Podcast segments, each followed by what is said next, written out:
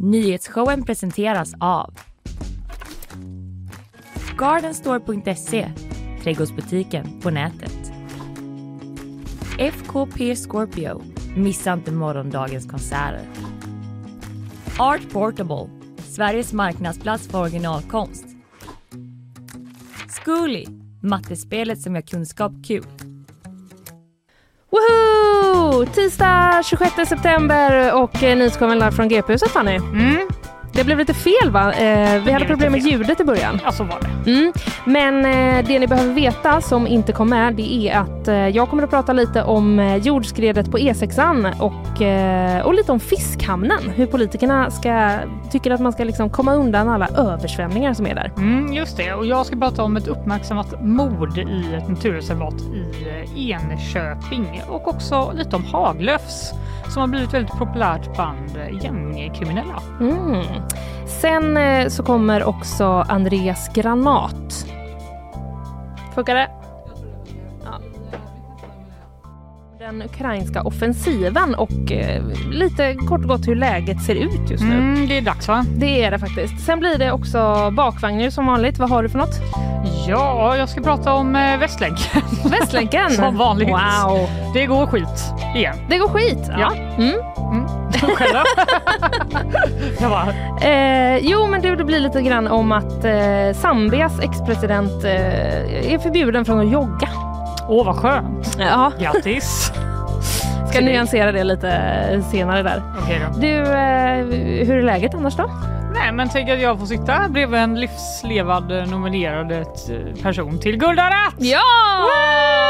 Det hade jag, Skryt, skryt, hann jag skryt. nästan glömma. Ja, precis. Vi är nominerade Nyhetsshowen till Guldörat. Vi är nominerade till Guldarat. Årets morgonshow. Ja, det är vi och massa som jobbar med radio Exakt.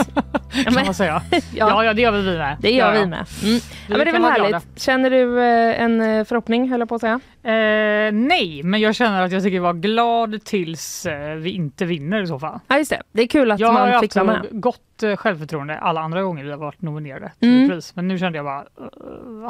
Men det var därför det var lite extra kul också. Ja, just Så att det. det kändes lite extra så, jag vet inte, premium. Extra premium. Du,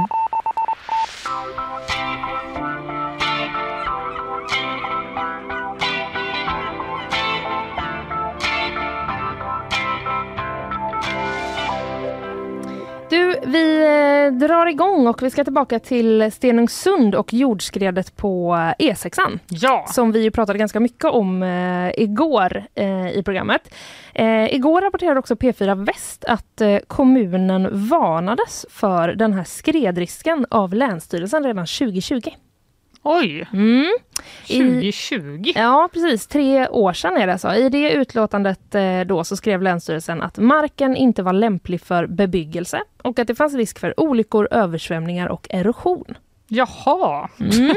vad sjukt. Det är ju bra info att eh, veta. Då undrar man ju vad säger eh, Olof Lundberg, kommunstyrelsens eh, ordförande, om eh, det här? Vi får ta och titta närmare på detta här för att eh, det brukar finnas synpunkter på eh, de flesta eh, planerna man tar fram just kring geotekniken men man brukar kunna kompensera det med olika åtgärder så vi får titta på något speciellt i detta fallet.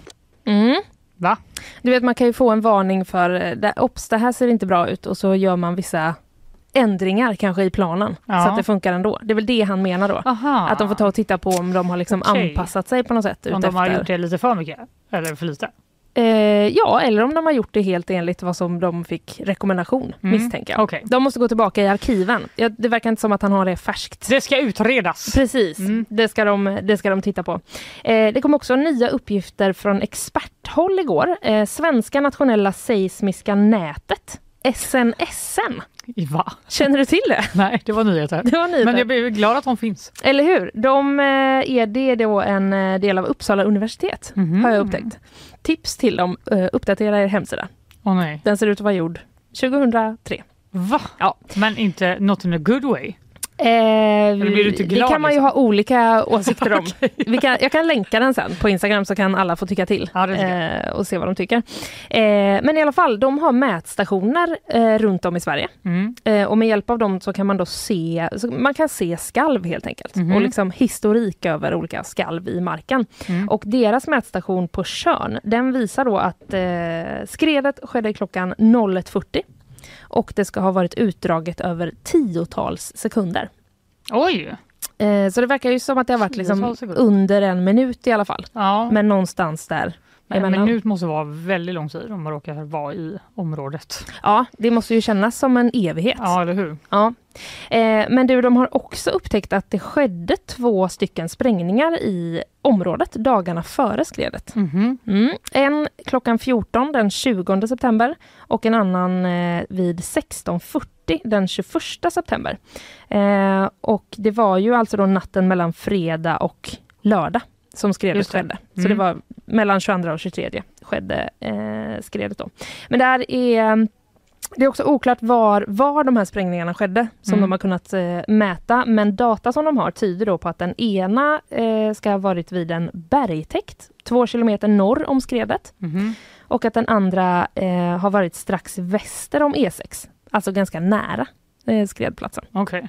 Men det är ju då eh, inga exakta uppgifter här och det är också fortfarande oklart ju vad som har orsakat och Mm. påverkat. Mm. Men en liten, eh, lite mer info i Mm. alla fall. Tack! Eh, varsågod. Mm, jag känner att jag ville ha det faktiskt. Ja. Eh, vi eh, på GP rapporterade också igår om att eh, regeringen nästan har halverat pengarna för att skredsäkra Göta älvdalen. Nej! Mm. Vad typiskt. Ja visst. Eh, Göta älvdalen då har störst skredrisk i Sverige. Ja, det är den här leran Det är leran. vi har Precis. byggt. Ja, Vår- precis. Vår underbara... Vi hade ju Start. vår eh, expert eh, Mats eh, var det va, tittar jag på Emily eh, som var här igår och eh, berättade allt om eh, hur det liksom funkar med leran och olika salter och sådana grejer. Ja, det var Mm. jätteintressant. Det kan man lyssna på om man har missat. Ehm, Mats Olvmo. Ja, ja, precis. Tack. Eh, men i alla fall, störst skredrisk i Sverige och varje år sätts det då undan statliga pengar för att man ska kunna säkra eh, det här området. Mhm. Och den tidigare rödgröna eh, regeringen, de la 215 miljoner kronor till det arbetet under 2022. Eh, men den här nya eh, regeringen då har alltså nästan halverat det till 115 miljoner. De bara, alltså det kommer ju inte hända. Att det kommer ett jordskred. Det händer ju inte hela tiden. Det gör ju inte att, det. eh, Men man vet ju aldrig när. Jordskredet bara, hold my beer. har du dragit ner budgeten? ja, exakt. Det är dags att slå Jag till. ska visa er era jävlar. Mm, precis. Mm. Eh, polisen kom då också med lite nyheter igår. Först så utredde man ju det här som eh, grov allmänfarlig ödeläggelse. Mm. Men nu har man då eh, ändrat eh, den här rubriceringen till miljöbrott. Okej. Eh, varför då undrar du? ja, Hur det funkar jag det? faktiskt. Eh, och det vill de faktiskt inte ge några ytterligare kommentarer om. Nej. Det är ju fortfarande tidigt i eh, utredningen men de har liksom bara meddelat eh, rubriceringen än så länge och att man då har ändrat den. Men Okej. de har ju dragit igång och börjat med eh, förhör och andra utredningsåtgärder Mm. eh, och sånt. Du, eh, det var också lite folk eh, på plats på eh, vid området igår. Mm. Bland annat kungen. Alltså jag såg det. Mm. Chockad. Jag Mm. fattar ingenting. I våran egen eh, direktrapportering som vi hade på sajt. Ja. Där läste jag att eh, han sågs eh, ta egna mobilbilder på området. Okej. Var inte det lite Han speciellt? bara, selfie blivit skredet. Jag tror inte att han liksom Snart använde... på hovet.se. Ja, jag tror inte att han använde selfie-kameran. Selfie stick Men hade jag varit tyckte han ändå, ja, men jag tyckte ändå det kändes som att eh, han har väl tillgång till bilder på det. Det är liksom en mänsklig impuls bara. Ja, Att man vill ta en bild på något. en Vad kunglig hade han bild. för eh, mobil? Du, det vet jag faktiskt inte. Android eller? Det hade... Jag tror det. Eh, det stod inte i direktrapporteringen. Alternativt jag kanske kan gå tillbaka och titta. Jag kan lägga hela dagen på att titta och scanna igenom vad, det se vad han hade för mobil. Ehm, så kan det eh, vara. Men eh, han eh, var inte bara där för att fota utan han eh, tog också emot frågor från eh, journalisterna. Det är klart när en sån här dramatisk händer, händer så vill jag ju ta mig hit och få reda på hur, vad som har hänt, hur folk mår. Det var ju många människor som har blivit drabbade, det var en del olyckor men tack och lov, tack och lov inga, inga dödsolyckor alltså. Men området är ju klart eh, ganska dramatiskt när man står här på den här bron. Ja, Men vad gammal han lät.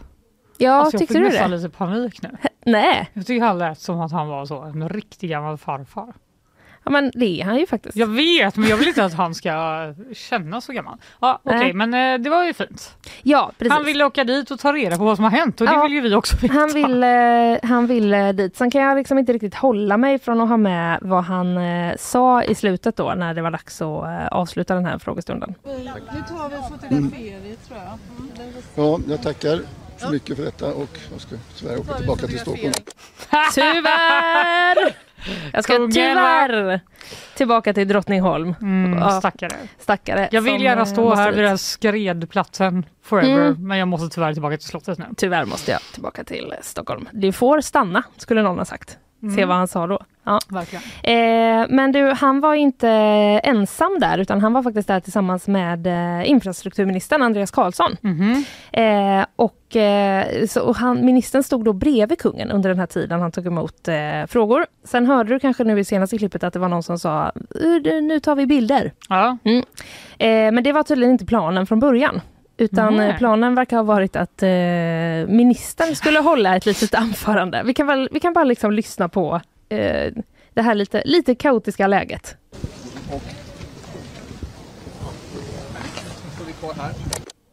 Mm, hörde du? Va, vad hände? Det var Andreas Karlsson som sa och Då står vi då kvar står vi här. kvar här. Ja, Eh, alla är på väg bort. Alla är liksom. på väg bort för att eh, ta foton på eh, kungen. Så står han och hans pressis. Och, men nu är det ju faktiskt vi som ska tala. Ja. Ja, det är svårt att konkurrera mot uh, vår, vår konung. Det är det faktiskt. Det är det. Men alltså ny rubricering, miljöbrott utreds det som nu. Kommunen har fått varning tidigare om det här området av Länsstyrelsen och eh, budgeten för att eh, minska risken för skred har eh, alltså halverats. Perfekt.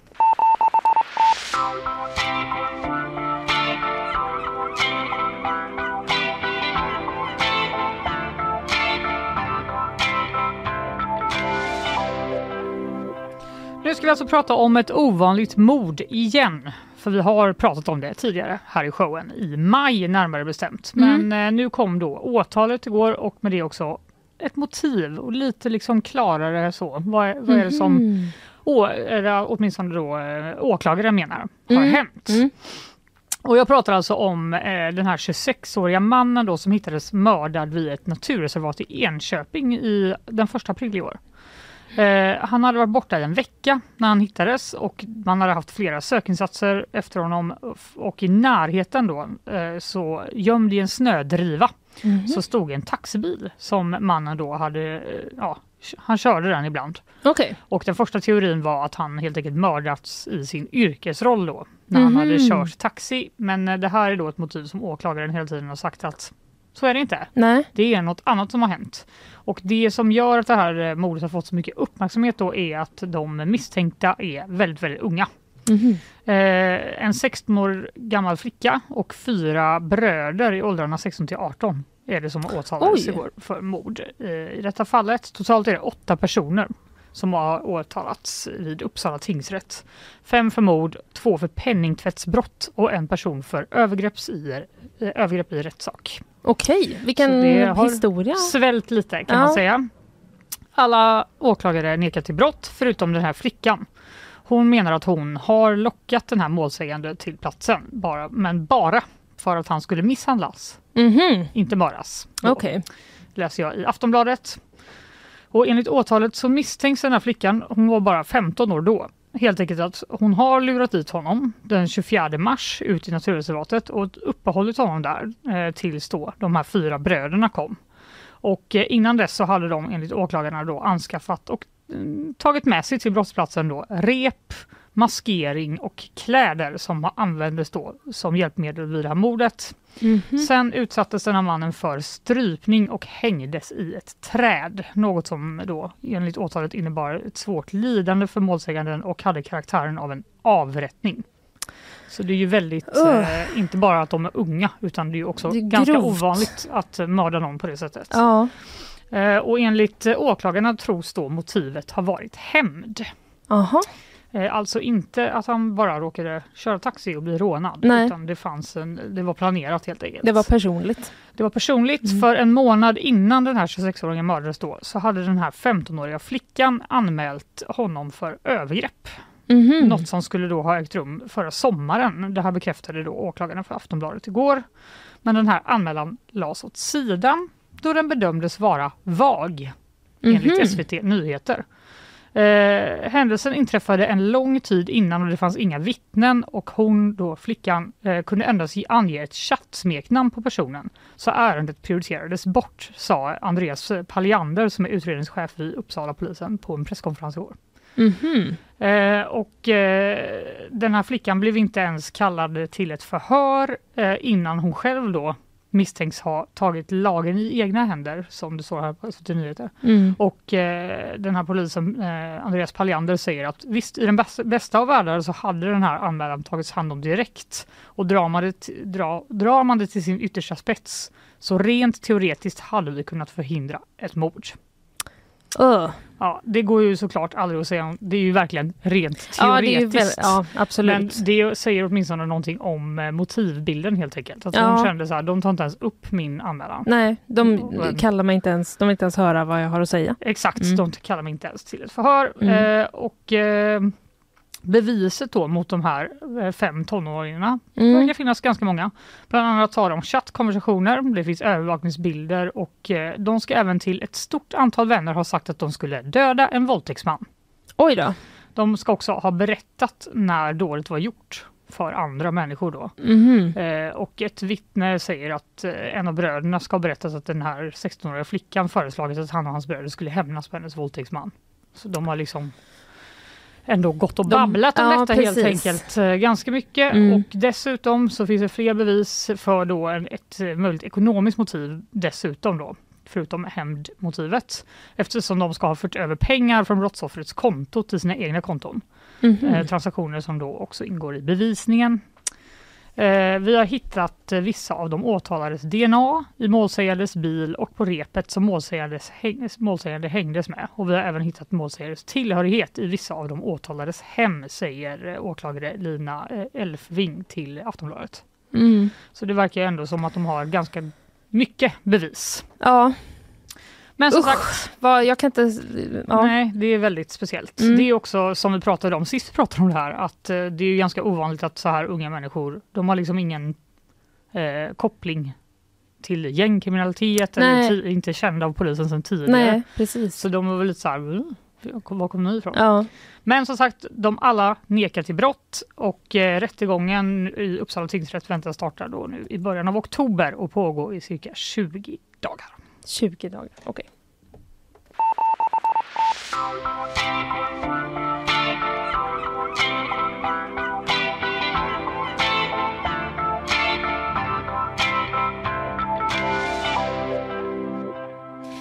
Nyhetssvep, är det något du eh, känner ett sug efter? Ja, det är det verkligen. Ja. Vi har ju en ny vikarie idag. Ja, det har vi. Vem det är, är hemligt eh, lite till. Vi tar och lyssnar på våra sponsorer först. Nyhetsshowen presenteras av Gardenstore.se, trädgårdsbutiken på nätet. FKP Scorpio, missa inte morgondagens konserter. Art Portable, Sveriges marknadsplats för originalkonst. Zcooly, mattespelet som gör kunskap kul.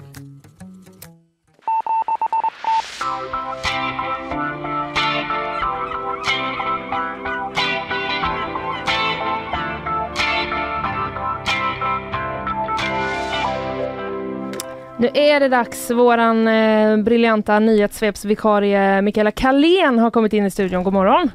Första gången någon beskriver mig som briljant tror jag. Ja, men inte Nej, sista Det Mikaela. kan inte stämma. det kan inte stämma. Vad kul att du är här. Tack! Tycker jag med. Varmt eh, välkommen. Där har jag hittat eh, dina ljud också. Vi eh, tar och lämnar över eh, till dig på en gång.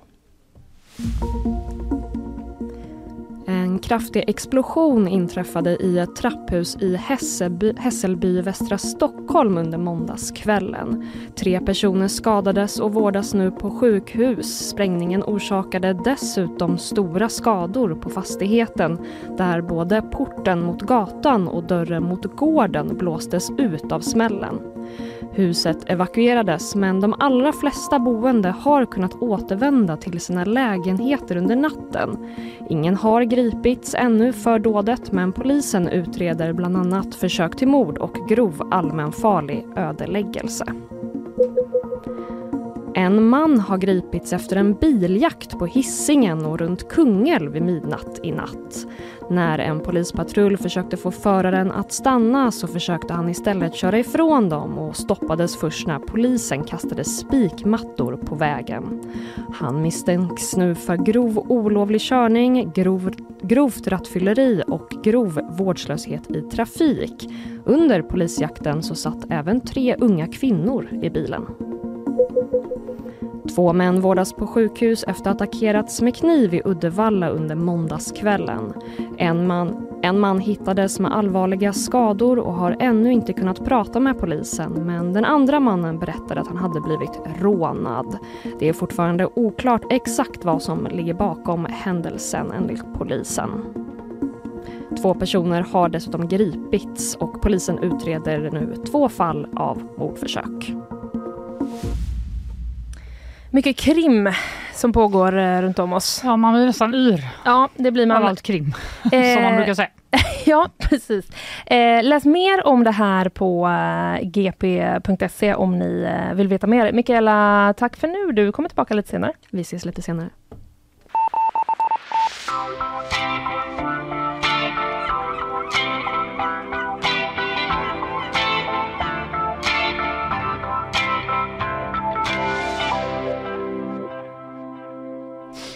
Hallå Fanny! Hej! Du, eh, nu ska vi prata om eh, fiskehamnen. Ja, just det. Eh, var och varannan vecka känns det nästan som ibland så är det så. Översvämning i fiskhamnen. Alltså, jag tycker verkligen att det är så jämnt. Ja. Särskilt nu kanske att det har regnat så fruktansvärt mycket då. Ja, exakt. Kanske inte Ehm, hjälper. Nej, precis. Om man nu ute efter den nyheten. Det tror jag inte att det gör eftersom Mm. det också ligger väldigt nära vattnet. Ja, det får man säga. Extremt nära Väldigt vattnet. bra utsikt. Alltså vad snackar vi om? Några meter? Ja. Eh, men så är det ju också en fiskhamn. ja. Det känns Sluta som det hör till. Varför låter vi så smarta? Jag vet inte eh, faktiskt. Men eh, du, det pågår ju eh, en massa planer med eh, hur ska man eh, komma undan det här då? Hur, vad ska vi ha för fiskhamn i framtiden så att de slipper få översvämning hela tiden? Ja, Lång, alltså det här har pågått länge. fiskarna har ju liksom dött när de kommer dit så de behöver inte så här mycket vatten. Nej, de behöver ju inte ens vatten överhuvudtaget nästan. Ja, lite kanske. Ja. Men i alla fall, eh, det rödgröna styret då, som vi har i Göteborg och Centerpartiet då, eh, vill nu hitta en ny plats dit fiskhamnen kan eh, flytta för att slippa eh, ständiga översvämningar. P- Planen är ju fortfarande liksom att man på lång sikt eh, så är man ju nere ungefär i samma område och rör sig och tänker att man ska hitta en lösning som gör att de inte blir översvämmade så ofta. Mm. Men då eh, vill de alltså ha en, eh, ja, men en tillfällig eh, lösning, eh, säger då Johannes Hulter. Man måste ha en tillfällig plats att vara på under tiden som vi skapar en permanent lösning. Okej, Mm. man ska liksom flytta dem lite grann bara. så länge. Precis, exakt. Eh, någonstans eh, behöver de ju vara under tiden man fixar eh, detta är väl hans eh, grej eh, då. Mm. Eh, oppositionen, de eh, håller mm, inte riktigt eh, med kan man säga. De är rädda att det här arbetet kommer att dra ut på tiden. Mm. Det blev ju så när Stena meddelade att de skulle flytta eh, från den sträckan där. Just Då det. blev det ju så att då fick man ju liksom riva upp, eller då rev man upp eh, planerna som man redan hade för fiskhamnen. För då tänkte man att vi måste tänka över hela det här stora området. Ja, de har liksom varit, de ligger lite dåligt här. enkelt. ja. Det är så mycket som ska hända där i vår stad. Ja, och då vill man väl liksom, eh, eller vill väl vissa i alla fall vara Ta ett, ta ett större tag. Mm. Eh, men oppositionen vill nu då, de vill att man ska ta fram en detaljplan för fiskhamnen som eh, bestämmer då vad som får byggas redan under eh, nästa år. För de vill inte att man ska riskera att det här liksom tar ännu, ännu längre tid. Nej, Ehm, så är det. Medan då Johannes Hulter från eh, Socialdemokraterna, ordförande i stadsbyggnadsnämnden, istället har den här ehm, tanken att man ska hitta en tillfällig plats. Jag tyckte att eh, det var lite roligt bara för att eh, vi, eh, våra kollegor här på redaktionen har pratat med eh, Roger Skymne, tror jag att man uttalar det, Mm. styrelseordförande för eh, fiskerikoncernen Västkustfisk. Mm. En av, eh, eh, ja precis, han är ju på plats där i fiskhamnen. De är inte intresserade av att flytta på sig, säger han, även om det bara är tillfälligt. Nähä. Vart ska vi hamna då? I Backa? Eller uppe i Mölnlycke? Oj, Mm. jag vet inte, var fick han det ifrån? Weirdly specific. Ja, det är ju specifikt, men det är också, man vet ju inte riktigt. Eh, vad jag Ja, kunnat alltså, se har de inte kommit med något förslag på vart fiskhamnen ska vara Hans poäng är så här, då kan vi hamna var som helst. Då är det bättre att vi är Precis. där vi är. Precis, han säger då också att eh, vi vill inte bryta upp det kluster vi har. Vi känner en samhörighet och det är så mycket som bygger på eh, samarbeten. Man kan Eh. ändå känna igen den känslan, att man är så här, Mm.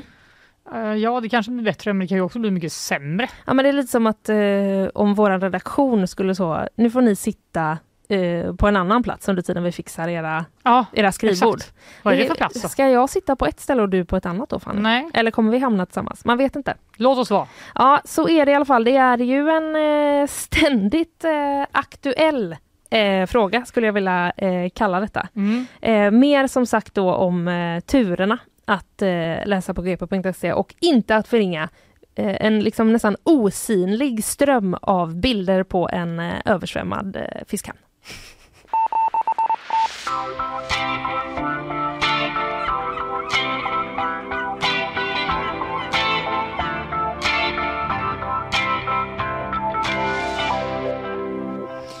Förra veckan, Mm. då kom ju nyheten om att eh, varuhuset NK ska bli kontantfria. Just det. Detta efter rapporteringen om att en gängkriminell tonåring ska ha handlat på NK i Stockholm för pengar han hade fått efter ett beställningsmord. Mm. Bakgrunden läser jag på Omni var att den här pojken som var 15 år vid tillfället misstänks ha mördat en jämnårig på en sushi-restaurang i eh, Stockholmsförorten Skogås i januari. Och för det fick han 100 000 kronor. Eh, I polisens förundersökning så finns det en massa bilder då på den här misstänkta personen när han poserar med stora sedelbuntar och eh, tre dagar efter mordet så fångades han då på bild i, eh, av övervakningskameror på NK där han Mm. bland annat köpte en jacka kontant då för Aha. 4 000 kronor. Oh. Japp, och att eh, det här är ju bara ett av många exempel på eh, liksom, gängkriminella som knyts till väldigt lyxiga varumärken. Mm. Det är inget nytt, vi har pratat om det här innan. Mm. Eh, och det är inte bara vi som har noterat det utan även Kronofogden. Jaha. Eh, märker av detta i sina insatser läser jag i Dagens Nyheter. Ja. Eh, Johannes Paulsson som arbetar som nationell samordnare för att motverka brott på Kronofogden. Mm. Mäktigt jobb. ja. Eh, han ger följande exempel. Livsstilsprodukter som Canada Goose-jackor, dyra saker och det har också blivit mer av Haglöfsjackor. Mm. Det är kanske inte den här naturupplevelsen de jagar, men det ger en viss image. Säger han det? Så säger Johannes. Han Oj. tror inte att de vill ut i skogen. Nej. Men han eh, Men de vill ha menar att imagen av att vara någon som är ute i skogen. Ja, och Nej. framförallt vill de ha imagen av att vara någon som har en jättedyr jacka, Mm. antar jag. Kanske mer det än Ja. dess eh, funktionalitet. Förmodligen. om man får gissa.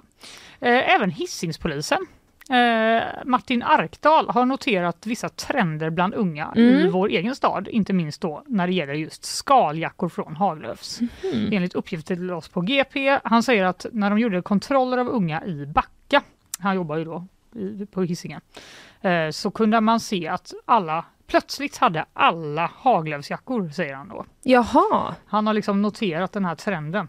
Ja, det verkar ju som att, eh, ja, som att det är någonting som har hänt där liksom. Mm, exakt, och hoppar man runt lite bland musikvideor som då signerade eh, rappare från Göteborg, typ eh, Arno Asme och eh, A36 till Mm. exempel, dyker upp Haglöfs på Jaså? varenda kotte.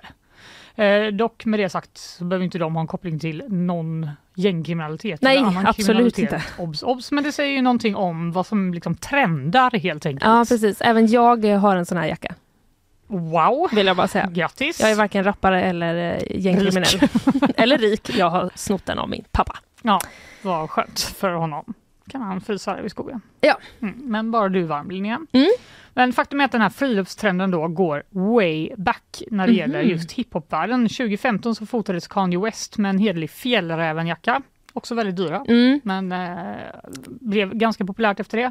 Och går vi ännu längre tillbaka i typ till 90-talet så blev då danska Helly Hansen the shit inom hiphopkretsar efter att Mobb Deep-duon eh, började sporta deras kläder. Mhm. Eh, det finns liksom hela så här hiphop-butiker som bara säljer typ Helly Hansen-kläder. Gud vad speciellt ändå att eh, liksom jobba på eller jag kan tänka mig att, att Helly Hansen kanske inte tänker att vi ska satsa på målgruppen hiphoppare. Nej, exakt. Du, det är ju det här som är lite kul. Ja. Det verkar liksom vara love story, hiphop och eh, friluftskläder helt enkelt Mm. som går way, way back. Mm. Och eh, då, detta har då smittat av sig även till de kriminella miljöerna. Men då tillbaka till Haglöfs. Vad, vad säger de om det Ja här just då? det, vad säger de ja? Jo, Sara Skogsberg eh, Quadras som är presskontakt på Haglöfs, hon skriver i ett mejl till DN att eh, vi har såklart sett att våra produkter emellanåt används eller nämns i svenska hiphop slash rapvideos.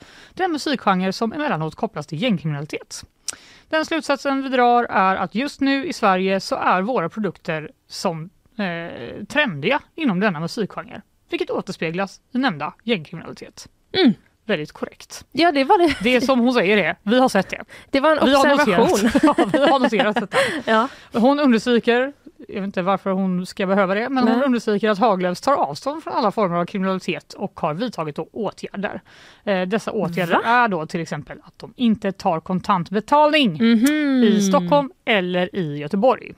Där får man inte handla med Aha. cashen. Men i Malmö? Ja, det vet jag. Jag antar att de inte har någon butik. Nej, de kanske jag inte har har inte kollat butik upp det. Nej. Men eh, det är en åtgärd de har liksom Precis, likt NK, att det ska, det. inte, det ska försvåra i Mm. alla fall för kriminella att använda eh, svarta pengar där.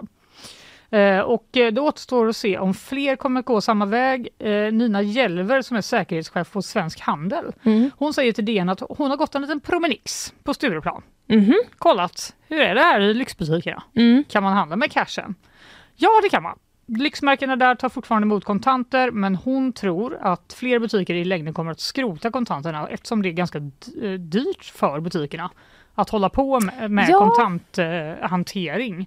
Är inte det liksom lite konstigt egentligen? För jag menar det är ju väldigt många eh, ställen där saker och ting inte är så dyrt som Mm. har slutat ta kontanter. Exakt, Men här där det finns jättedyra grejer. exakt, men hon, hennes förklaring är att i de butikerna där hon var Mm. så är det väldigt mycket turister och Mhm. turisterna har kontanter. Har de? Tydligen. Vad är det för gammaldags turister? Det är väl för att det går så bra för alla förutom för oss fattiga Ja, du menar de växlar in Ja, de när, bara- när kronan är låg? Ja, jag vet faktiskt inte. Det framgår inte exakt men det verkar i alla fall vara en grej att eh, Mm. turister snarare då kanske använder kontanter. Ja, okej. Så vi får se, fler kanske går samma öde till mötes. Snart kan vi inte använda kontanterna i madrassen till något. Vad tror du blir nästa eh, trend inom eh, hiphopen? Har du något märke som Nej, du känner så? Vad hemskt. Nästa hiphop-trend? Vad, vad har jag Eller ett som jag plagg. vill ska trenda? Ja. Jag har ju också Helly Hansen. Kan det, det känns lite, lite gammaldags nu. Mm. Kan bring it back. Batik, kanske? Det känns inte jättehiphop men absolut.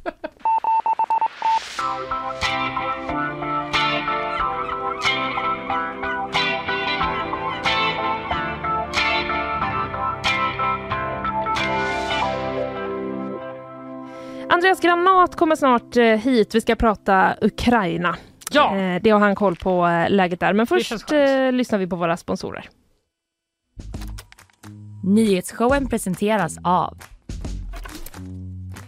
Gardenstore.se, trädgårdsbutiken på nätet. FKP Scorpio, missa inte morgondagens konserter. Art Portable, Sveriges marknadsplats för originalkonst. Zcooly, mattespelet som gör kunskap kul. Nu ska vi prata om eh, Ukraina. Det känns... Eh, vi har liksom inte gjort det på ett tag så det Nej. känns bra tycker jag att vi ska få en uppdatering nu. Eh, hur går det egentligen för den ukrainska offensiven och varför riktas det så många attacker mot Krimhalvön? Eh, med oss nu har vi en eh, återvändande gäst, utrikesreporter Andreas eh, Granat. Välkommen! Tack så mycket. Du, eh, om vi börjar där, eh, den här motoffensiven som det har pratats eh, ganska mycket om. Hur går det för den egentligen? Ja men för Ukrainas del så går det ju långsamt men ändå framåt kan man säga. Eh, Ryssarna har ju byggt, haft tid på sig att bygga väldigt eh, eh, starka försvarslinjer och det tar väldigt mycket tid att ta sig igenom dem för Ukraina. Mm. Eh, så långsamt men framåt, framförallt i södra Ukraina då, det är där som tyngdpunkten ligger. Mm. Mm. Men hur mycket land har de återtagit? Vet man det liksom?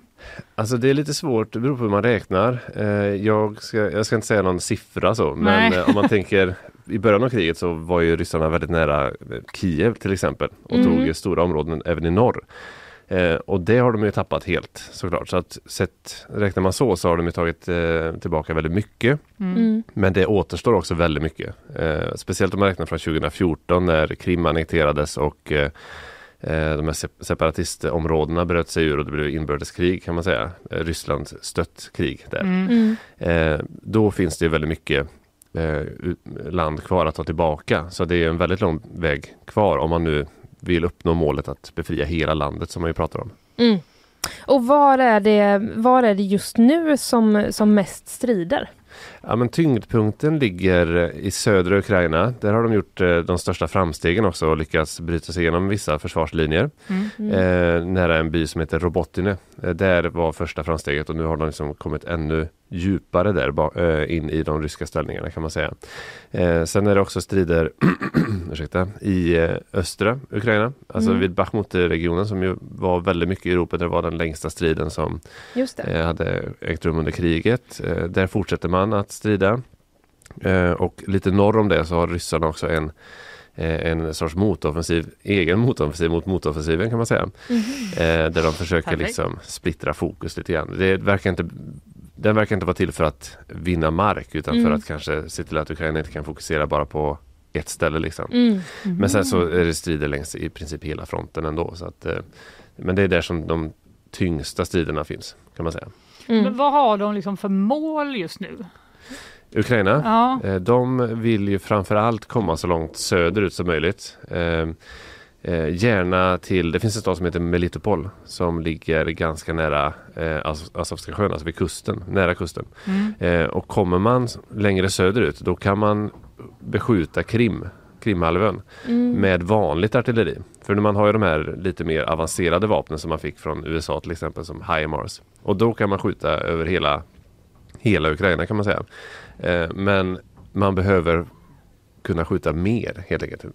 Större mängd granater mot Krimhalvön till exempel. Mm. Och då behöver man komma närmare så man kan skjuta med vanliga haubitsar och sånt där. Eh, så det är en väldigt viktig, eh, ett väldigt viktigt mål att komma ner till helst Melitopol, och- alltså allra helst ända ner till kusten såklart. Men Mm. det ser ju väldigt svårt ut för det går ju som sagt väldigt långsamt. Men för det har ju varit mycket, eh, du var inne lite på det, men det har varit ganska mycket attacker mot just Krim. Vad- varför är det så? Ja men det är liksom eh, juvelen i kronan på något sätt för Ryssland. Eh, väldigt symboliskt viktig efter att man annekterade 2014 men också väldigt logistiskt viktigt. Alltså att man använder Krim för att där finns ju bron till Ryssland.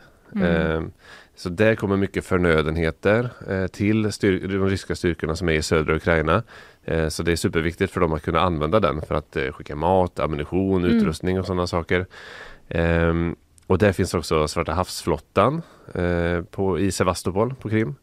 Eh, som ju är väldigt jobbig för Ukraina. Som, från de här fartygen så skjuter de ju eh, robotar mot ukrainska städer och eh, det, det är ju en kapacitet som Ukraina i mångt och mycket inte, inte riktigt har. Mm. Eh, Så de opererar också utifrån Krimhalvön kan man säga eh, i mångt och mycket. Det kom ju lite nyheter där igår om att de, Ukraina uppger att de hade dödat den här ryska befälhavaren Viktor Sokolov i en attack mot just Krimhalvön. Precis, precis. De, eh, det slog ner en robot där i Svarta havsflottans hög, högkvarter vilket Ja. ju är väldigt eh, eh, bra för Ukraina. Så att, eh, Mm. Det är ju en väldigt symboliskt att vi kan faktiskt slå mot de här viktiga målen på Krim. Att luftförsvaret kan inte riktigt stoppa oss från det. Mm. Eh, Ryssland har ju inte riktigt bekräftat heller att han är död. Det är de nog inte så sugna på att göra heller. Nej. Eh, men man kanske måste till slut ändå. Eh, så om det här stämmer så är det ju väldigt eh, en, fjäder i hatten såklart för Ukraina och någonting som de kan använda i sin propaganda till exempel. Ja just det, det får Mm. vi följa under dagen om det kommer någon uppdatering där. Ja, men det har ju också varit eh, en annan eh, prioritering som man har hört har varit eh, den här staden Tokmak. Oklart om jag uttalar det rätt, men varför är den viktig att återta?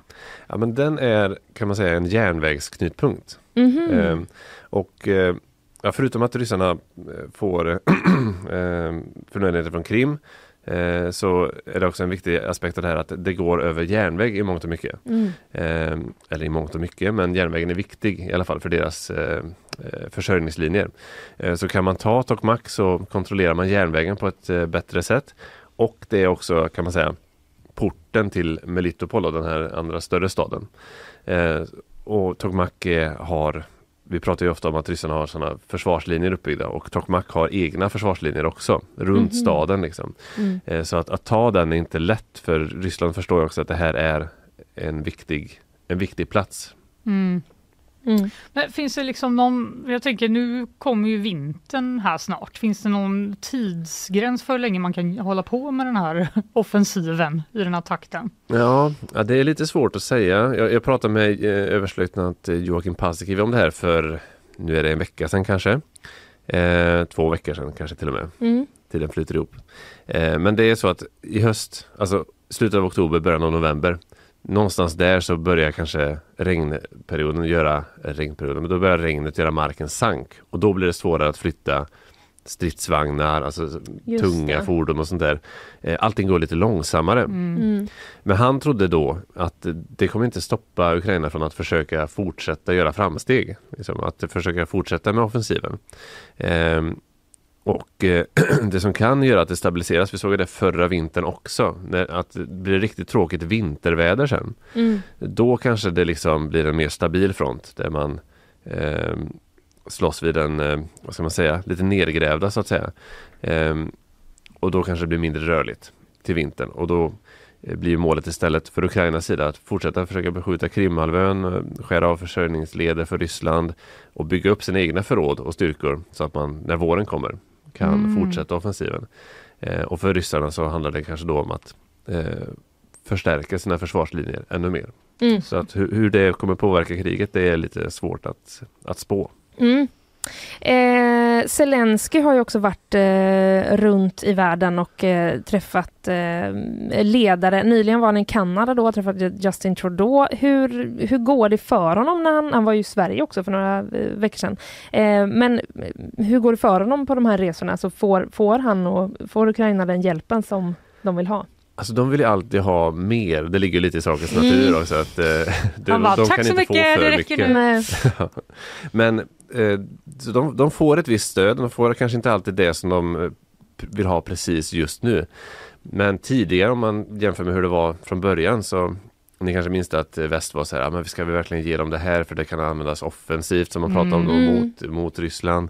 Eh, Man vill ju inte provocera på ett sätt som gjorde att eh, det kunde tolkas som att man själv deltog i kriget. Nej. Nej. Eh, Men sen har man ju gett efter hela tiden. Det blev stridsvagnar, det, nu blir det till och med stridsflygplan. Liksom. Så att eh, alla de här sakerna som man har bett om har man till slut fått. Mm.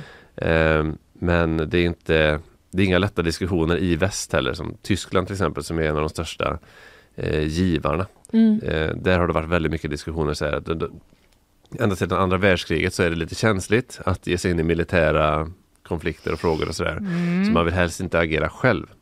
Eh, därför försökte man då pressa fram till exempel att USA också skulle skicka stridsvagnar. När det var väldigt mycket debatt om att Tyskland borde skicka stridsvagnar till Ukraina. Mm. Eh, sen gör man ju det nu. Men man har också fått med USA på båten så man inte gör det här själv. Liksom. Så det är sådana här Mm. avvägningar hela tiden som eh, kan vara frustrerande såklart för Ukraina att se. Mm. För Mm. man är i en situation där man verkligen behöver utrustning och nya saker. Liksom. Eh, samtidigt som man vet att Ryssland ställer om sin ekonomi.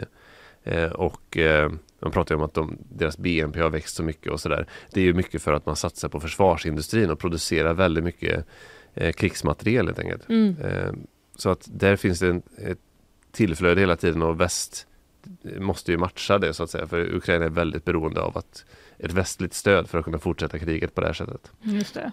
Men vad vet vi egentligen om den ryska stridsförmågan då? Ja men den är väl eh, lite svår att eh, värdera. Alltså jag tror att folk var besvikna på motoffensiven för att den gick så långsamt. Men man hade kanske underskattat Ryssland lite grann. För Mm. att eh, man hade den här bilden av, ni kanske minns att det plötsligt, för 2022 var det väl, eh, så bara svepte Ukraina fram och tog tillbaka jättestora områden. Och Mm. ryssarna Mm. bara nästan flydde. Det, alltså, gick till reträtt på ett nästan panikartat sätt, kändes det som. Mm. Och den bilden tror jag många hade när den här motoffensiven skulle börja. Liksom.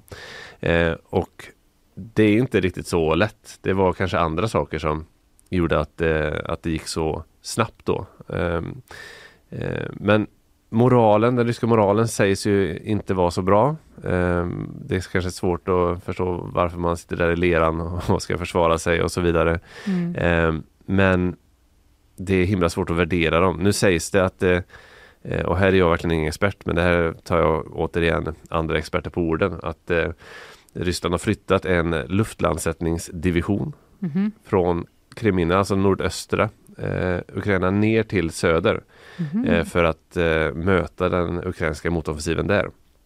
Och det tyder enligt många på att eh, det inte finns så många reserver att ta av. Eh, När man tog den här ändå etablerade enheten och flyttade den. Eh, det skulle man inte gjort annars. Man om man om. kunde. Nej, låta bli. det är så tolkar jag det. Eh, Jag vågar inte säga att det är så för jag är ingen militärexpert. Men eh, eh, det tyder på att man inte har reserver att bara sätta in utan man måste omprioritera längs med front, fronten. Liksom. Mm. Eh, så att eh, vi får se. Det blir väldigt intressant om eh, Ukraina kan bryta igenom här nu. Eh, om Ryssland klarar av att försvara de bakre linjerna lika väl som de försvarar de första. För där gick det ju väldigt, väldigt långsamt. Mm. Eh, så att ja, det, det blir en utmaning helt klart. Ja. Vad kan man... Vad, ja, eh, 10 000 kronors frågan, men eh, hur länge kan det här kriget pågå egentligen? Ja, Vad säger folk? jag vet inte vad folk säger riktigt men eh, känslan är att det kan ta väldigt lång tid. Mm. Ehm, och att det finns en risk kanske att det blir som efter 2014 så blev det ju också ett sånt där ställningskrig liksom i östra Ukraina och har ju varit det sedan dess. Ehm, så det är väl en risk att det, att det kan bli det här också om motoffensiven går i stå. Ehm, och sen beror det väldigt mycket på hur länge väst orkar eh, stötta Ukraina, hur länge man ser att det eh, finns en fördel i det, hur länge väljarna här ser att det Mm. finns en fördel i det. Det är val i USA snart till exempel. Ehm, ja, så det är, ja, jag vågar inte riktigt svara på den Nej. frågan. Nej. Men eh, i- det, det ser inte ut som att eh, vi närmar oss ett slut på kriget i dagsläget i alla fall. Nej, nej, Nej. det känns inte så. Eh, tusen tack Andreas för att du eh, kom hit och eh, uppdaterade oss. Mm, ja, men tack så mycket. Eh, det var väl- väldigt välbehövligt känner Ja, jag. det var det. Du är välkommen eh, tillbaka snart eh, igen. Tack så mycket. Oj, Nej, det ska vi... Ja, nej, nu höll det på att bli alldeles fel sådär.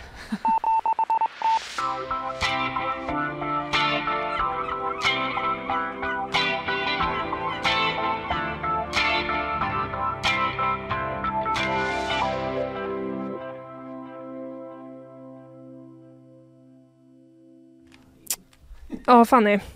Ja, Det här Hallå. kriget bara, bara, bara pågår och eh, pågår. Ja, men det är därför man behöver, det är ju så himla hemskt, det är ju liksom medielogiken som Mm. man pratade om eh, Mm. när vi pluggade en gång i tiden. Ja. Att typ när det blir bara pågår någonting så försvinner liksom rapporteringen. Även om Precis. det händer massa jätteviktiga nyheter i området. tiden. Ja, det är ju ofta så. Det ska ske något nytt för att, man ska, att det ska aktualiseras Ja, så blir man eh, liksom blind så behöver man precis. någon expert som Andreas som kan liksom lyfta ut det mest relevanta. Ja. Nu vet vi igen.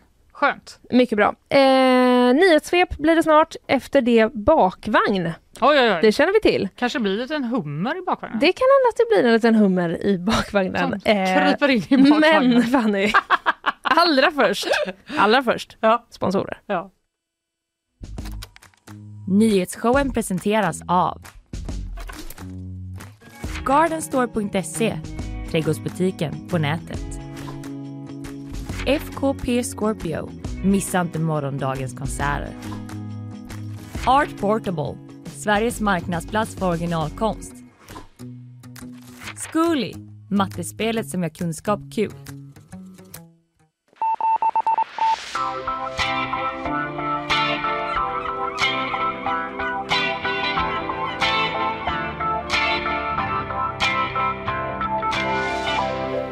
Mikaela Kalén är tillbaka i studion, den briljanta. Tack. Håller på att sätta det eh, Nytt smeknamnet. CV coming up. Ja. Hur eh, står det till? Med mig eller i nyhetsläget? Ja, både och. Jo, det är bra tack. Det är bra. Kul att vara här så tidigt på morgonen. Ja, det är lite nytt. Eller? Ja, va? Ja. Jag är glad att någon tycker det.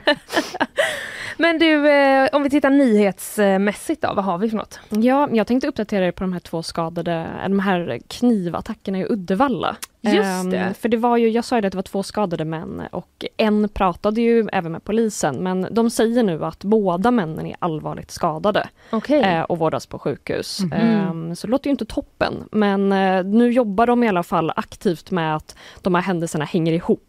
Just det, för det, de Ehm. skedde väldigt tätt i tid. Det, var inte så, det är inte så konstigt om man kopplar ihop dem som Nej. sagt för det är tätt i tid, samma område, Mm. det var både, alltså det var knivvåld i båda fallen Mm. och det var ja, eh, ungefär inom samma timme. Mm. Um, sen får man väl se, en av männen sa att det var att han blev rånad eh, enligt vittnen, det sa jag inte förut men enligt vittnen på plats så ska det ha varit något bråk. Bråk kan ju såklart uppstå i samband med ett rån men eh, ja, vi får se vad det är som har hänt. Men polisen jobbar nu i alla fall ut efter att det ska ha med varandra att göra egentligen. Mm. Eh, men två allvarligt skadade. Um, Usch då. mm, bådas på sjukhus. Ha, har vi något mer vi eh, håller utkik efter? Ja, alltså, precis efter jag kom eh, in här på morgonen som jag inte heller tog med då för att jag inte hann skriva om det egentligen var ju att det, det har skett ytterligare en explosion i Sverige. Ehm, Det var ju strax efter klockan sex då ehm, i Linköping. Mhm. Ehm, Så vi pratade, jag pratade ju förut om den som har varit i Stockholm, Mm. eller västra Stockholm. Ehm, Men har vi ytterligare en explosion som har skett i Linköping. Den skedde utomhus och ingen ska ha skadats. I Stockholm så vårdas ju tre på sjukhus. Men det som jag noterade är ju att de även rapporterar där, och man kan se det på bilder, att man kan liksom se rätt in i lägenheterna. Alltså ytterväggen är borta bort. Men gud. sprängd. alltså som ett dockskåp liksom. Exakt, för att när man läser så flera medier rapporterar om den här eh, sprängningen i Stockholm om att det, det såg ut som ett dockhus Mhm. för att du kan liksom se rätt in i lägenheterna. Mm. Och tittar du nu på bilder från Linköping så ser det likadant ut där. Alltså att Mm. ja, det, det är en yttervägg på ena sidan är bara borta. Då är det ju, måste det ju vara en ganska kraftig explosion tänker man. Jag är ingen expert men jag Nej. förutsätter också det. Ja. Att ska du ha bort en hel yttervägg på ett svenskt hus ändå, jag tror ändå vi har, eh, bygger ganska stadiga Ja. hus, Mm. så eh, krävs det ganska mycket. Men eh, som sagt, ingen ska ha skadats. Nej, men, det är ju eh, ett under. ja, men jag tror det tar ett tag innan de kan flytta in, flytta hem till de där lägenheterna Ja. igen. För det är lite Ja. kallt nu på Var vintern. detta nu på morgonen det i Linköping? Klockan strax efter klockan sex. Oj då. Ja, det är många grejer att följa upp här under dagen känns det som. Mm. Ja, och eh, ja, det känns som att jag har sagt väldigt många brottsrubriceringar nu under morgonen. Ehm, men i Linköping där så undersöker man ju då allmänfarlig ödeläggelse och brott mot lagen om brandfarliga och explosiva varor. Oh. Ehm, ganska klassiska brottsrubriceringar efter Mm. en typ av sprängning. Ehm, Yes. Men det var väl, jag vet inte om det bara var tur att ingen blev skadad, men jag vet inte om det är någon skillnad när explosionen sker utomhus istället för i trapphuset som i Ja, just Stockholm. det. Mm. Ehm, Men ja, en hel del eh, våldsamma nyheter Ja. under natten känns Ja. det som. Så är det, det ibland. Ja. Eh, har du något annat speciellt som du ska hålla koll på under dagen? Något du ser fram emot i nyhetsväg? Nej, jag tyckte det största som hände idag var årets hummeraktion, men det har jag förstått att det får ni höra lite mer om från Ja, vår programledare Kristina senare. vi hoppas Ja. att hon ska komma in och bless us. Precis, jag kan inte sluta hoppas på att hon ska ha med sig en hummer. Men det kommer hon ju inte ha, det vet jag ju. Får jag ge ett litet tips om Ja. du vill gå och titta på en hummer? Mm. Eh, jag var på hummeraktionen för några år sedan och då fick vi Mm. veta att den här rekordhummern som såldes för 102 000 kronor kilot Oh my god. Eh, det är mer än vad den såldes för idag. Mm. Eh, då fick vi veta, vad sjutton tog den hummen vägen då? Ja, Och den hamnade på ICA. Ehm, nu ska vi se någonstans i Göteborg, kommer inte riktigt ihåg. Men den är alltså uppstoppad i, i en glaslåda Va? på ICA. Oj. för den köptes in av den ICA-handlaren och pengarna eh, skänktes till eh, välgörenhet. Aha. Så hummen stoppades upp men då måste man ju suga ut köttet för att den Ja. inte ska ruttna. ja. Och, och köttet gick till en katt. Va? Det här var Okej. den konstigaste anekdoten Eh, på det här länge. var, precis, det här var varför, konstigt. varför gav de köttet till en katt? Men Vi- det blir bara mos av allting. Ja. Okej, vi, eh, vet ni vad? Vi eh, försöker lägga ut lite bilder på det här på Instagram. Ja, det känns det som att vi vi. har det på sajten va? Och en liten länk så man kan läsa allt eh, man vill eh, om eh, detta. Mikaela, stort tack för idag. Tack själva. Nej, Jag gjorde det igen. Nu skärper jag mig.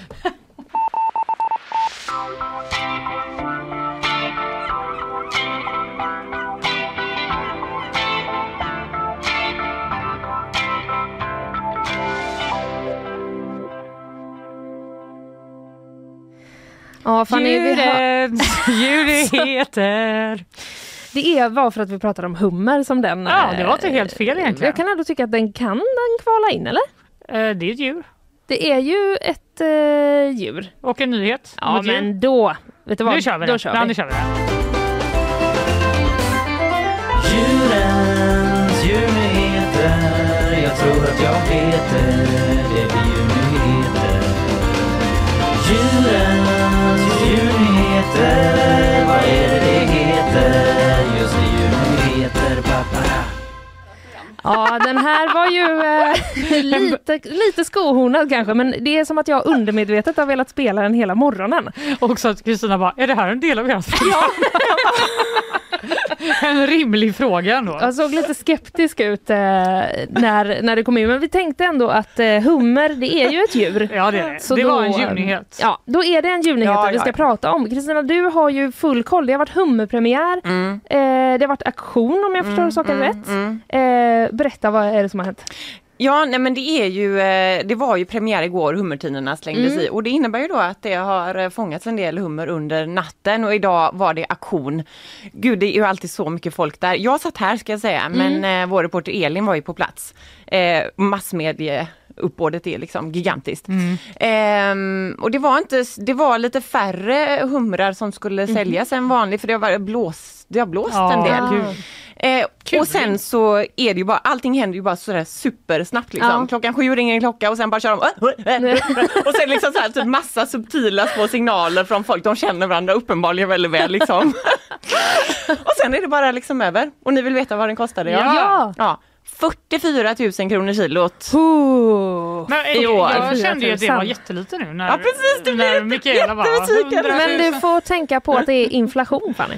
Det kanske är men- lägre efterfrågan. Är det mycket eller lite i sammanhanget? Ja, men så här är det. En sån här dag med premiären, då är det liksom inte tillgång och efterfrågan som eh, styr utan det Nej. är bara liksom eh, om man har, vilka som är på plats liksom Det är och vad man har bestämt sig för. typ Ja. så. Eh, nej men det här var väl ett mittemellan eh, år då kanske man kan säga. Förra året var det ju, gick ju eh, den första för 7000 Oj! kronor kilot. Det, det, och det är ju riktigt lågt. Jag tror kanske att det var liksom eh, Sjukt, bottenrekord. Ja. Och nu tänkte jag så här precis som ni, liksom, det är inflation, lågkonjunktur, vad Mm. spelar, det, eh, spelar det in? Det gör det förmodligen faktiskt inte Nej. sådana här lägen. Nej. 44 000.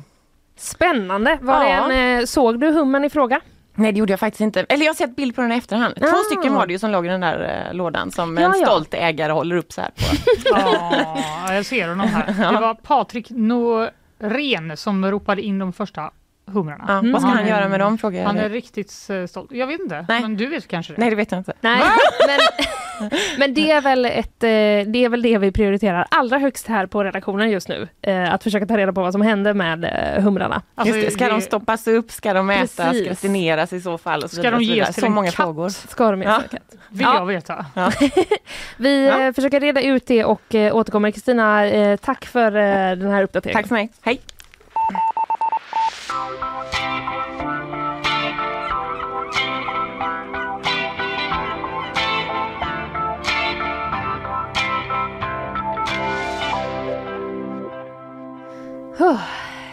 Alltså att jag verkligen försöker eh, läsa vad han ska göra med dem, men det vet vi inte än. Nej men det kan vara att han själv inte har bestämt sig. Ja, jag vet eh, att eh, pengarna går till Sjöräddningssällskapet. Mhm. Eller i alla fall en del av vinsten. Ja. För den här försäljningen då. Mm. Ja, ja, eh, grattis till Patrik, heter han väl? Ja, precis. Vi ser till att länka eh, gott om hummermaterial på Instagram. för alla som är sugna. Ja, det känns som vi har en liten, liten hög här som Mm. ska ut nu. Ja, men vad gött. Nu är det bakvagn. Ja, Woho! det är det. Eller det är det redan, men nu är det det också. Men ska jag börja eller? Ja. Du veta något om Västlänken? Låt oss ta ett möte om eh, hur vi lägger upp eh, Ja, bakgrunden. eller vad tycker du? Eh, Fanny, eh, du får börja. Precis när man trodde att det inte kunde gå sämre så kommer ännu ett bakslag för Västlänken. Mm. Eller det beror på vem man frågar faktiskt. För det rör det här eh, väldigt eh, coola underjordiska cykelgaraget som planerades. Det har varit ganska mycket snack om detta innan va? Det- Vi är alltså station Haga nu. Station Haga, just det, där det just nu står still. Där det just nu står still. Mm. Eh, där skulle man då bygga till den här hållplatsen. Mm. Heter det hållplatsen när den är så stor? Station tror jag. Station är ordet som jag var säker. Mm. Station Haga. Mm. Där skulle det vara ett stort underjordiskt cykelgarage men nu blir det inte så. Planerna skrotas. Mhm. Ja, alltså det är ju inte byggt än. Utan Nej. det är ju bara planerna som skrotas. Ja. Men det var fem år sedan då Trafiknämnden sa ja till hela liksom, paketet runt Haga och Rosenlund. Det som skulle bli då den stationen, läser jag på g.se. Ett litet projekt som skulle kosta 660 miljoner kronor i 2017 års prisnivå. Och Mm. i den här planen så ingick det här 2000 kvadratmeter stora underjordiska cykelgaraget som skulle rymma 550 cykelplatser. Åh herregud. Detta garage skulle kosta 100 miljoner kronor. Ja, det är väldigt mycket pengar. Det är väl, alltså, jag är ingen expert på underjordiska cykelgarage. men det låter ju väldigt eh, dyrt. Det låter, eh, ja, det låter ju lite dyrt när det finns eh, ställen att ställa sin cykel ovan jord. Mm, och det visar sig att det var inte bara jag som tyckte det var saftigt. Eh, för att prislappen, skriver Arne Larsson här, eh, var redan omdiskuterad då, för sex år sedan. Eh, och eh, staden har dessutom dåliga erfarenheter av dyra cykelgarage. Mhm. Ja, Va? eh, Vad har vi det? Ja, tydligen. Ja, har vi Men det? det känner mig oklar. Nej, Arne Jag Larsson eh, skriver att eh, han verkar syfta på ett, eh, att man har byggt ett stort eh, cykelgarage i Gamlestan som mestadels står tomt. Aha, det har jag sett faktiskt. Ja, det är ju typ att de bara, alla kommer pendla Ja. och så kommer de cykla därifrån. Typ. Mm. Bara, nej, det är ingen som gör det. Men det är också någonting, eh, känns det som, att det känns farligare att ställa sin cykel i ett cykelgarage. Alltså det känns som det är högre risk att den blir snodd nästan. Ja, och detta är då eh, en del i det här, verkar det som. Ja. För att eh, som du sa, Västlänkbygget står ju då stilla där. Mm. Eh, Trafikverket har sagt att vi kommer inte hålla vår tidsplan och vi kommer absolut inte hålla vår budget heller. Och därför då var det ju redan i våras så lyfte oppositionspartierna M, D, L och KD Mm. frågan om att ska vi inte åtminstone skrota det här jävla garaget? Not their words. Men, så sparar vi lite. Över 100 miljoner kronor för ett cykelgarage, det går inte att motivera, säger Mm. Sagros Hama som är moderat och ledamot i exploateringsnämnden. Mm. Eh, och han säger visserligen att ja, det kanske behövs lite mer cykelparkeringar i Göteborg. Men det går ju att lösa mycket billigare än så. Mm. Dessutom så skulle det bli ganska svårt att ta sig till, till det planerade garaget eftersom det skulle vara en rätt brant backe ner. Ja, det är ju jobbigt. Jag ska bara parkera min cykel. Bara, ah! Låt mig åka ner i underjorden. Ja, exakt. Ja. Eh, dessutom har de kommit på att det skulle kunna vara ett problem med tryggheten och Eller eh, hur? stöldsäkerheten Det är ju det jag säger. Det känns ju som gjort för att någon ska sitta där och smygröka, eh, stjäla cyklar och Jag håller verkligen med. Vem vill gå ner andra under mystiska jorden? saker. Nej, och tänk om du är liksom på kvällen kommer Nej. du med tåget så ska du gå in i cykelgaraget så fanns det bara plats längst in så ska du liksom in där och hämta din cykel. Nej usch! Nej, det blir inget med det här. Nej. Och det, det är inte bara oppositionen som eh, tycker det var dåligt. Det är samtycke, höll nu jag på att säga. Samtycke.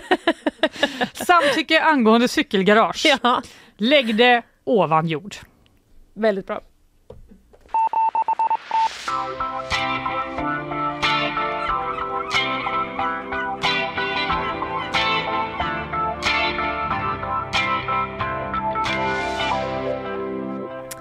Vi har ju pratat Fanny mycket om eh, Norrköping. Inte så mycket d- typ förra veckan, men innan dess. Jag? Kultur, eh, Just det, jag kulturen. nu. När, allt, när du började säga det så kommer jag ihåg det. Ja, då kom det tillbaka eh, till dig och ehm, det här är ju eh, Sofia Jarl eh, heter ju eh, en moderat i eh, kommunstyrelsens ordförande, närmare bestämt i eh, Norrköping. Hon eh, sa då, eh, när, efter att det här kulturbråket hade startat, eh, om att hon då hade fått väldigt många positiva mejl och sms från Norrköpingsbor som tackat henne för åsikterna i kulturdebatten och de politiska besluten.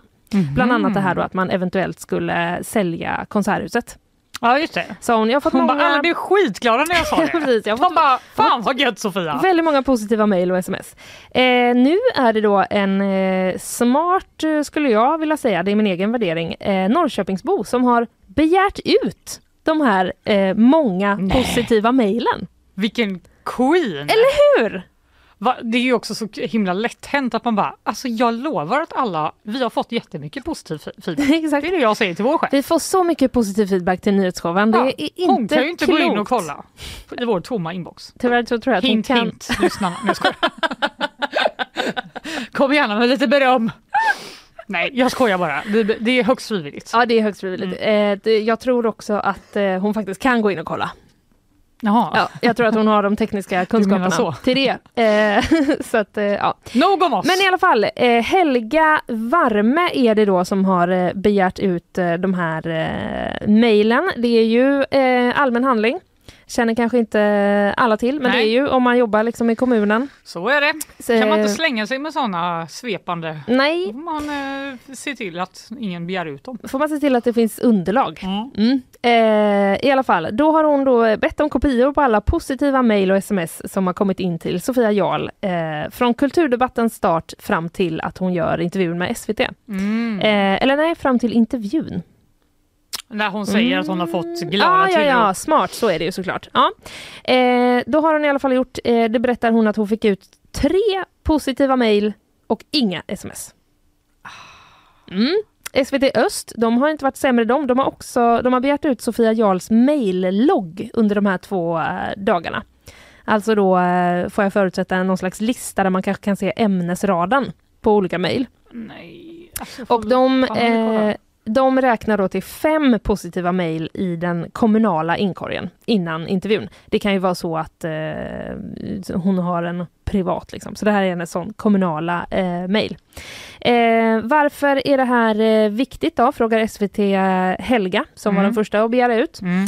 Ehm, hon säger då att om jag som medborgare tänker att en politiker har ett stöd, då får jag med demokratins eh, spelregler böja mig för det. Men om en politiker går ut och säger att man har ett bekräftat stöd, fast det visar sig att man inte har det, då tycker jag att demokratin är lite i fara. Mm. Eh, hon har också Helga Stora läs, ja, hon har också Helga läser jag här, eh, tidigare suttit i eh, Kolmårdens kommundelsnämnd för Vänsterpartiet. Bra information om det. Kolmården? Kolmården är alltså inte bara ett, eh, en djurpark utan det är även en eh, liksom, stadsdel. Va? Stackars dem. Det är ingen som vet det. Jag Alla vet. tror att det är björnar och eh, Ja, det är vargar sant. som bor där. Jag bor i Kolmården kan man säga. Ja. Och så kan det bli lite rörigt. Men, eh, Okej, men hon är opposition helt enkelt. Ja precis, hon har tidigare suttit i den eh, Ja, kommundelsnämnden. Eh, Sofia Jarl, hon håller inte med om eh, kritiken. Nej. Jag upplever att jag har ett väldigt stort stöd för det vi gör i Norrköping just nu. Framförallt från Norrköpingsborna som röstat på koalitionen som sitter eh, vid makten. Jag känner mig helt trygg i sakfrågan. När man begär ut mejl får man en ögonblicksbild över vad som ligger i kommunmejlen just då. Men det är inte hela sanningen. Nej, hon kanske har fått massa som har slidat in i hennes DMs. Ja, precis. Det skulle kunna vara så att eh, hon har fått olika brevduvor och DMs och eh, andra, andra sätt som folk har eh, Ja. tagit kontakt med henne på.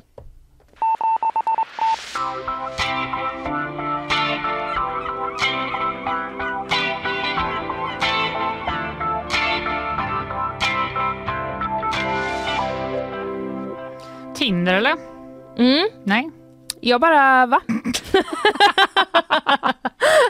jag hör vad jag, du säger. Jag har ju lärt mig av dig att uh, Tinder, det kan man inte hålla på med längre. Men det är ju lite ute. Det är tydligen ute. Mm.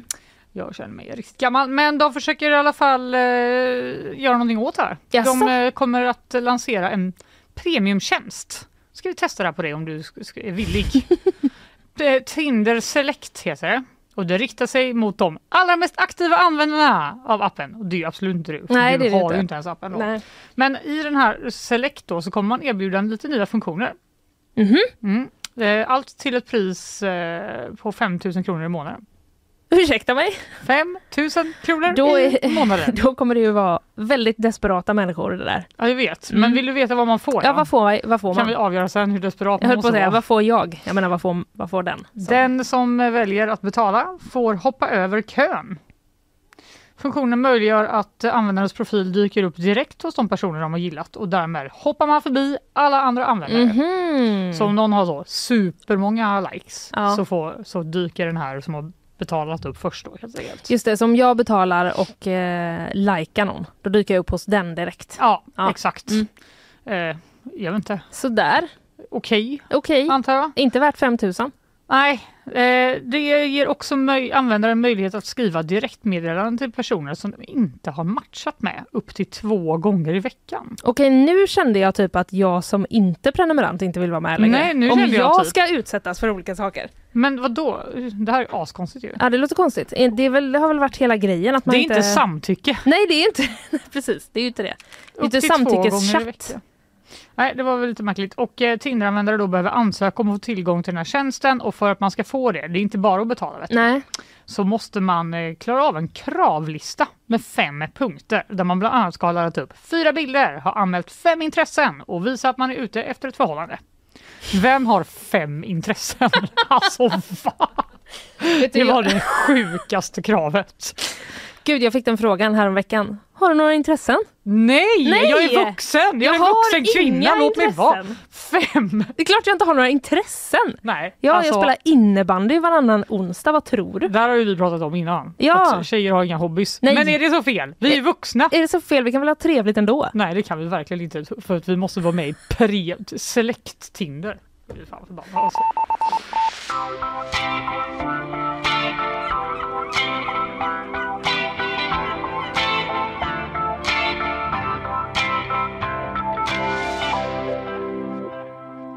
Sponsrar du eh, mig Fanny så kan jag tänka mig att testa. Ja, alltså, men du kommer ju inte klara dig förbi fem intressen. Du hitta på, du kommer inte ens få gå med. jag får väl ljuga. Ja det kan du. Ja. Ehm, du, på gp.se så läser jag nästa rubrik. Va, Berätta. Zambias ex-president förbjuds att jogga. Ses som politisk aktivism. Ah, Mm. men hur? Ja, det undrar man verkligen. Det är BBC som eh, rapporterar. Eh, Zambias eh, tidigare då president Edgar Lungu, han har varnats för att jogga offentligt eftersom polisen då menar att han bedriver politisk eh, aktivism. Han brukar tydligen på eh, lördagsmorgnarna så har han för vana att ge sig ut på joggingtur, sällan ensam. Han är då eh, omgiven av eh, människor som eh, hänger med honom och ibland är det också hängivna medlemmar från hans politiska parti Patriotiska fronten, läser jag. Va? Ja, De var nu är det dags. nu är det jogging. Hade du velat jogga med Kristersson? Du hade kunnat pausa efter, hade du velat jogga? Nej, Men han är ju skitsnabb, har du sett hans vader? jag vet. Det är... Du bara, vänta Ulf! Jag vill också följa med! In, med det sagt inte att du eh, röstar Nej, på det kanske är tur att frågan inte liksom eh, är verklig eftersom eh, eh, man ändå är har den rollen man har va? Japp. Eh, men jag hade inte kunnat eh, hänga med i hans eh, tempo. Men, eh, Men det, är en sjuk grej. eller hur? Ja. Men det här har i alla fall då fått eh, polisen att reagera och eh, han har blivit då... Åh, jag tror jag bara läser den här meningen. Okej. Det har fått polisen att reagera och ex-presidenten har nu blivit tillsagd att han kommer behöva söka godkännande om han tänker jogga med andra människor i framtiden. Men hur ska de kunna bevisa att han visste att de skulle haka på? Ex, nej, det de är kan ju lika väldigt, bara, hallå! Det är ju en väldigt eh, eh, speciell eh, eh, fråga faktiskt. Men eh, polisen menar då i alla fall att träningen blir en form av politisk aktivism och att hans, eh, hans underlåtenhet då att meddela om offentliga sammankomster, det är ett brott mot eh, lagen. Men betyder det då att om han, bara, om han bara söker godkänt inför varje lördag Just det. så är det helt fine? Nej, för de kommer säga nej, du får inte godkänt. För jag vet Ja. att det kommer dyka upp någon annan som ska jogga med dig. Exakt. Man undrar ju det om det dyker upp någon efter en, en liten stund. Om han måste då säga stopp. Om det bara är någon som faktiskt bara är ute Exakt. på samma tur. Hans kompis bara. Alltså fattar inte Eh, så är det så. Du får som, inte jogga med mig. Nej, folk som vill jobba, jogga i grupp, är inte det lite weird? Det är jätteweird. Vet du, vet du speciellt de som gör det på lunchen. Det är det sjukaste jag vet. Typ när vi försöker sitta och äta så på en bänk Ja! i trädgårdsföreningen och det bara är en massa joggare i vägen. och så är det någon liksom som står lite i mitten och bara så Vi bara shh! Håll, tyst, jag har eh, mat här som jag skulle vilja äta i fred. Mm. Så det här har faktiskt hänt oss flera gånger. Ja det har det här är faktiskt direkt hänt oss. våra Också, actual också att en gång så kände jag att jag var nära på att säga den här parken är faktiskt till för alla. Sluta komma hit med ert motionerande och eh, håll på. Vi är helt enkelt för det här förbjud, förbudet. Förbjud alla att jogga. ja, verkligen.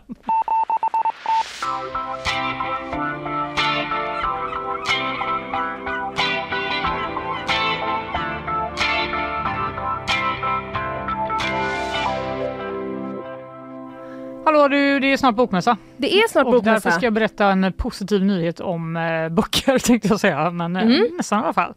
För jag läser här att den negativa trenden har brutits. Barn och unga läser mer än tidigare. Va? Jag vet, det enda vi hör är ju att Säg till kulturcheferna. Johan Hilton! Ja, Har du hört det här? det är toppen. Det kanske är tack vare kraven han ställde. ja, precis. Tydligen. Nej men det är Statens medieråd som har publicerat då två nya rapporter om barn och ungas medievanor. Mhm. Eh, och eh, den här myndigheten då finner bland annat att det dagliga läsandet av böcker och tidningar ökar i alla åldrar och de som aldrig läser alls blir färre. Jaha, Jättegoda men vad är det här för en, är det någon slags eh, liksom eh, streamingbaksmälla tror du? Ja, det står så här. Eh, Just med tanke på att vi under så pass lång tid har sett en vikande trend när det gäller läsning så är det överraskande att det har vänt, säger Yvonne Andersson som är då analytiker på Statens medieråd till SVT Kulturnyheterna. Hon menar att de läsfrämjande insatserna nu har börjat ge effekt. Eh, Skulle man släppa dem nu så är risken att man tappar då de positiva effekterna man har fått hittills, menar de. Samtidigt minskar det digitala spelandet bland de yngsta. Jaha. Tonårspojkar som ägnar mer än tre timmar åt dagen åt dataspel minskar också märkbart. Och dagligt tv och filmtittande minskar i alla åldersgrupper. Så det är ju det här som har hänt både mig och Kalle Berg nu. Man orkar inte. Nej men vet du det har hänt mig också. Har du också börjat läsa en bok? Eh, jag har mest börjat lyssna på musik istället bara. Vadå du bara sitter, sitter still i soffan och lyssnar Nej, en men jag- Fy fan vad mysigt det är. Du, det, Det gjorde man ju förr. är inte heller helt eh, fel faktiskt eh, att göra det. Men eh, det, nej, det är mer att jag, Kommer du ihåg när man var och liten piffar. och läste typ i konvolutet till skivan Mm. samtidigt som man lyssnade på skivan? Mm. Bara läste man texten så. Mm. Fan vad sjukt. Och även stod upp och eh, läste texten och sjöng med. Ja, Mm. gud vad mysigt. Mm. Ja, men eh, vi är en del i den här trenden uppenbarligen. Eh, det verkar som att den här eh, rapporten då, de, det är enkätinsamlingar insamlingar som de har gjort under hösten och vinter 2022. Och de Mm. har då gjort jämförbara insamlingar 2020 och 2018. Mhm. Så de kan ändå dra vissa slutsatser då från 2018 till 2022. Och de kommer presentera hela den här eh, rapporten under Bokmässan som ju börjar på torsdag. På torsdag börjar den, här i Och stan. på tal om det, Mm. vilka ska vara på Bokmässan? Ja men det är ju vi. Det är ju vi! Det är klart vi ska vara där. Va? Det är så Och, himla eh, nära. Kanske ni som lyssnar. Ja. Då kanske ni vill lyssna på oss. Ja. Där. Ja. Frågetecken. Eh, vi kommer ju vara i GPs monter på fredag. Det kommer vi vara. Du och jag och Kalle. Mm. Eh, klockan, vad är det? Fem? 15.30 va? Eh, håller vi på en god halvtimme och pratar. Och babbla lite ja. Ja, och eh, på lördag så kommer jag och Kalle sitta i något som heter poddboxen Just det, och sända klockan 15. klockan 15. Så Eh. 15.30 på fredag och 15, 15 på lördag. på lördag. Man har två chanser alltså Det har man faktiskt. att eh, komma förbi och eh, titta och lyssna. Ja, och det här kommer ju inte finnas någon annanstans. Så Nej. jag säger bara att det kan vara värt. Precis, det händer bara där, live and direct. For your ears and eyes only. Precis, för där då. hela bokmässans ears and eyes only. Ja, Väldigt, eh, exklusivt så väldigt eh, exklusiv. Du, eh, vilken dag Fanny. Ja, vi klarade oss. Ja, det gjorde vi. Eh, vad har du pratat om? Ja, vad har jag pratat om? Jag har pratat om det här uppmärksammade mordet i ett naturreservat eh, utanför Enköping som eh, nu, eh, det finns lite motiv och eh, åtal som har kommit mot eh, fem personer Just för mord. Och Just jag pratade också om Haglöfs. Att Ja. eh, gängkriminella då, eh, de gillar Haglöfs helt enkelt. Så Ja. nu har de ta- åtagit, eh, vidtagit åtgärder Just det. i butiker i Stockholm och Göteborg. Tar ingen mer kontanter. Nej, just det. det jag tänkte först att det, att det skulle vara att de började göra helt andra kläder. För att på så sätt liksom eh, Nu gör vi det. jättefula kläder Exakt, istället. nu gör vi det fult. Eh, nej men det är ju sant. Jag eh, uppdaterade lite om skredet i Stenungsund. Eh, det har kommit en varning från Länsstyrelsen 2020 redan om att det här Mm. området var särskilt känsligt. Och lite mer, kungen var där också. Eh, och, sådär. och sen så pratar jag lite om fiskhamnen. Ja! Ständiga översvämningar, hur ska man göra? Ska man göra en tillfällig lösning som styret i kommunen tycker eller ska man bara snabba på den permanenta Mm. som oppositionen tycker? Om det tvistar våra politiker. Precis, det är det de håller på med. Sen var Andreas Granat här också och eh, vi pratade Ukraina. Ja, Lite grann hur läget ser ut nu och var, eh, vad man fokuserar på helt enkelt från Ja. eh, Ukrainas håll i motoffensiven. Och sen, eh, ja Kristina Petersen var ju här också faktiskt och pratade lite hummerpremiär Med den äran. på slutet. Ja, otroligt var det. Eh, du, nu säger vi väl eh, tack för idag va? Tack för idag! Hej då! Hej då!